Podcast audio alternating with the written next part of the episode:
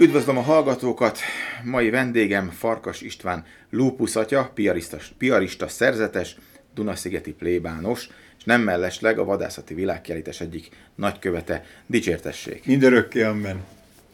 Szóval, ö, szeptember elején beszélgetünk, a vadászati főidény nyitányán, bőgnek a szarvasbikák, ősz van, a nem csak naptárilag, hanem meteorológiailag is. Milyen gondolatok fogannak meg ilyenkor egy vadászathoz közel álló papi személyben? Az első, ami eszembe jut, a szerelem. Meglepő, meglepő. Azt Isten oltotta belénk is, nagyon nemes, hogy mondjam, dolog a Földön, egyik legszebb dolog, és nyilván az az erő a szarvasokban megremegteti az embert. Csodálatos. És én Istennek tulajdonítom, mert onnan való ez a kapcsolatteremtés, nyilván a szaporodás, tehát ez egy... Meg mint minden. Minden, minden pontosan így van. És ahogy reflektáltál erre, hogy, hogy talán fura, de én is szerelmes vagyok, csak az Istenbe. Tehát nem úgy beszélek, hogy láttam, aki hallott róla, hanem, hanem személyesen érint ez a Isten iránti elkötelezettséggel, meghívással, hűséggel. A második, ami eszembe jut, ez a színeknek a kavalkádja. Egyetlen festő nem tudná ezt kikeverni az összes őszi színt. És ilyen pompázatos az Isten, vagy még azt mondom, hogy a Szentlélek, hogy ennyire ötletes.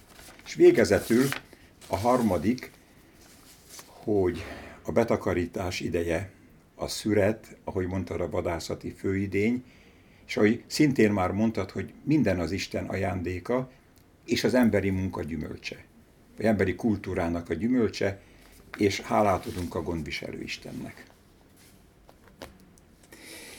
A szeptemberi Nimrodban, kerek, a, annak is a kerekasztal beszélgetésében négy fohász nővérünkhöz a természethez címmel fogalmaztad meg gondolataidat a világkiállítás kapcsán. Mesélj nekünk erről a fohászról. Az embernek, nyilván hitem szerint, egyik legnemesebb cselekedete, amikor párbeszédbe kerül az Istennel. Tehát így ezt a fohászok a címről akarom elmondani. És az első, első fohász, hogy minden kapcsolat legmarkánsabb meghatározója az alázat és a gőg. És hiszi Szent Ferencnek az alázata oda vitte arra a magaslatra, hogy a, a nap, a hold, a, a szél, a víz testvérei. Nővér, öcs, húg, víz a húg a legszebb, ugye az a, az a kép. És az első fohász egy bocsánatkérés a gőgünk miatt. Mert aki gőgös, az pusztító. Így volt ez egy ilyen, ugye misét is bűnbánattal kezdjük, ez volt az első. A második a természet szépsége. Erről már ezt érintettük a szerelem kapcsán.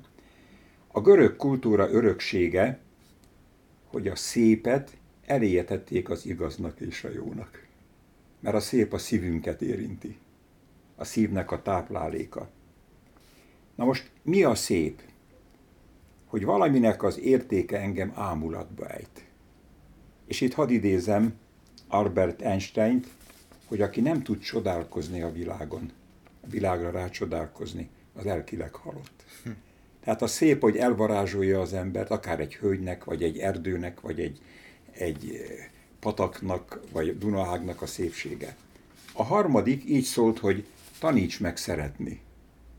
Tehát a természettől megtanulhatjuk a szeretetet. Szabó Lőrinc versét idéztem, kegyetlen sor, az ember gonosz, benne nem bízom. És meg is fogalmaztam, hogy a természet soha nem lehet gonosz. Én vetítem bele a gonoszságot sajnos. Hát sokszor a magamét is. Egy ragadozó az nem kéjjel gyilkol. Benne van a tápláléklázban, hogy ilyen egyszerűen fogalmazzam. És ahogy a, a vadak védik a kicsinyeiket, erről lehetne éveket mesélni. Tehát, hogy nem gonosz, és mint egy ezért is bízza rá a saját gyermekeit a természetre, és nem emberekre. A negyedik pedig, negyedik fohász, vezes haza engem. A múlandóság és a újjászületés szerintem a legfontosabb tanítása a természetnek. A tél az a halálnak is jelképesen időszaka, aztán jön az újjászületés, az örök tavasz. És ha egy temető mellett elhaladok, imádkozom mindig az ott nyugvókért, és én úgy tekintek a sírokra, hogy ott magok rejlenek, akik majd az örök életre újjá fognak születni. Egy picit a lelki életből térjünk át a, a, a formai világra, de ahogy ismerlek, visszatérünk majd megint rögtön a, a lelki életre. Elvállaltad a világkiállítás egyik nagykövi, nagykövetségi tisztét. Miért? Vagy, vagy mi motivált, hogy ezt, ezt fölvállald? Gyakran használom ezt a szót, és hitelesen, hogy a természet iránti szerelem, amely engem 70, 73 éves vagyok, de nagyapámnak a lovaire emlékszem például gazdálkodó ember volt, és a természetjárás pedig az meghatározta 45 év pedagógiámat. Az a piarista elmondat, hogy egy egy hét, egy túra a természetben egy tanírnél többet ér. Tehát ez a hitvallás volt, ahol találkozunk, és erről sokat tudok beszélni, és 40 ezer kilométer van a lábamban kerékpártúra, 30 év vitorlázás, és sok száz sátrazás. Tehát a természet közelség az nem olyan, hogy, hogy láttam, aki hallott róla, hanem benne van a szívemben. És a második szempont, hogy elvállaltam, hogy tapasztalatom és kegyetlen tapasztalatom, hogy aki elszakad a természettől, az elszakad Istentől. Ez kegyetlen tapasztalat, mert a természet, nyilván ködös nevezőn vagyunk, Isten remek műve.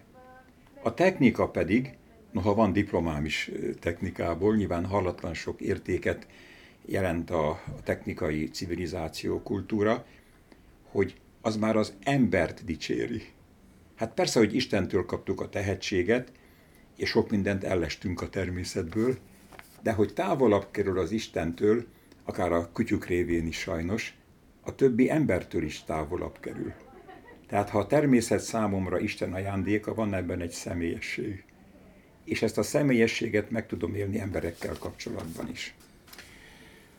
Hm, sejtettem, hogy nem anyagi dolgokról lesz szó. Viszont Igen. ugye szépen vázoltad ezt a természetjárást, biciklizést, Igen. sátrazást, de a vadászattal, tehát a konkrét vadászattal, mint olyannal miképpen kerültél kapcsolatba? És, és mikor? Szintén visszamegy 9-10 éves koromra. Fekete István könyvein nőttem föl. Szinte végigolvastam Széchenyi Zsigmondnak a könyveit, Kittenberger, Kálmán.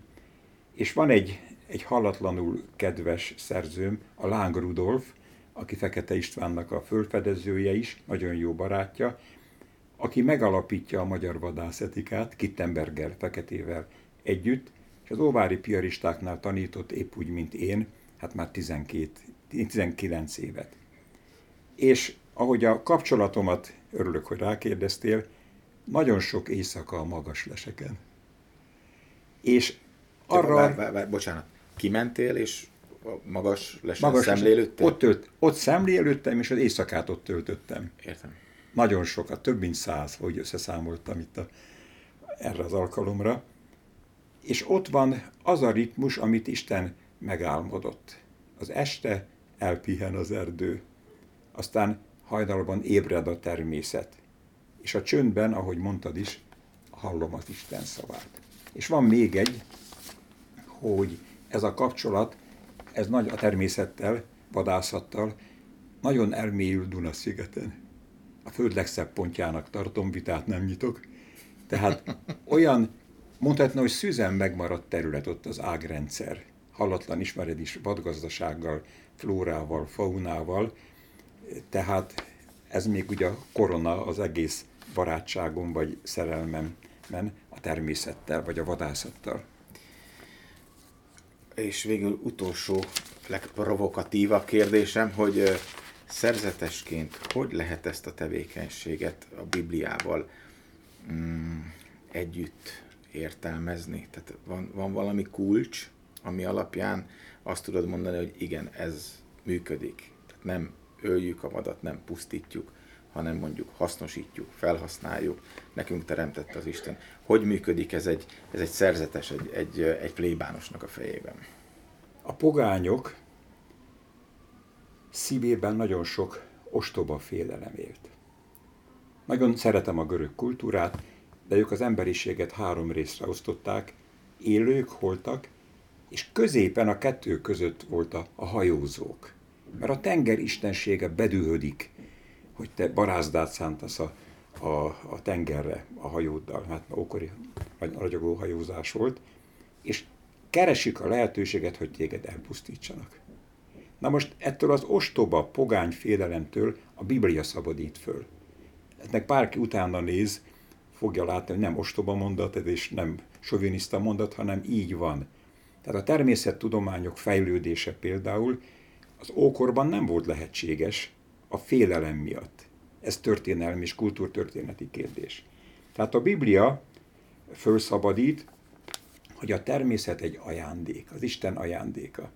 Volt egy rendtársam egyik gyalogtúránkon, egy szép virágot az erdőfáj közül kiültetett nagyon gondosan az ösvény mellé, hogy ez a virág másnak is hirdesse Isten dicsőségét. Tehát a, a Biblia az mellé áll, tehát a, hogy ajándék ránk bízta az Isten, nagy felelősség is, és a, a vadászat is olyan, hogy az ember felelős a természet harmóniájáért. Tehát aki, aki tényleg hivatásszerűen és lélekből űzi ezt a nagyon kedves szenvedélyt, nyugodtan mondhatom ezt így, és akit a lelkiismerete vezérel, az télen eteti a vadakat. Tehát sok olyan kapcsolata van, nem csak a puska, és nyilván sok buta ember azt teszi első helyre tévesen, hanem ahogy egy-egy fiatal vadat a vadász is véd, na, tehát akár sérült vadat védelmez. Aztán a vadászat kultúrájának komolyan vétele és fejlesztése az egy hallatlan nagy kötelessége mindenkinek, aki a természet közelében van. Köszönöm szépen ezt a nagyon nagy lelki útra valót és táplálékot. Mert Én köszönöm a Ezen sokáig el lehet azért gondolkodni. Nagyon szépen köszönöm. Köszönöm, hogy eljöttél hozzánk.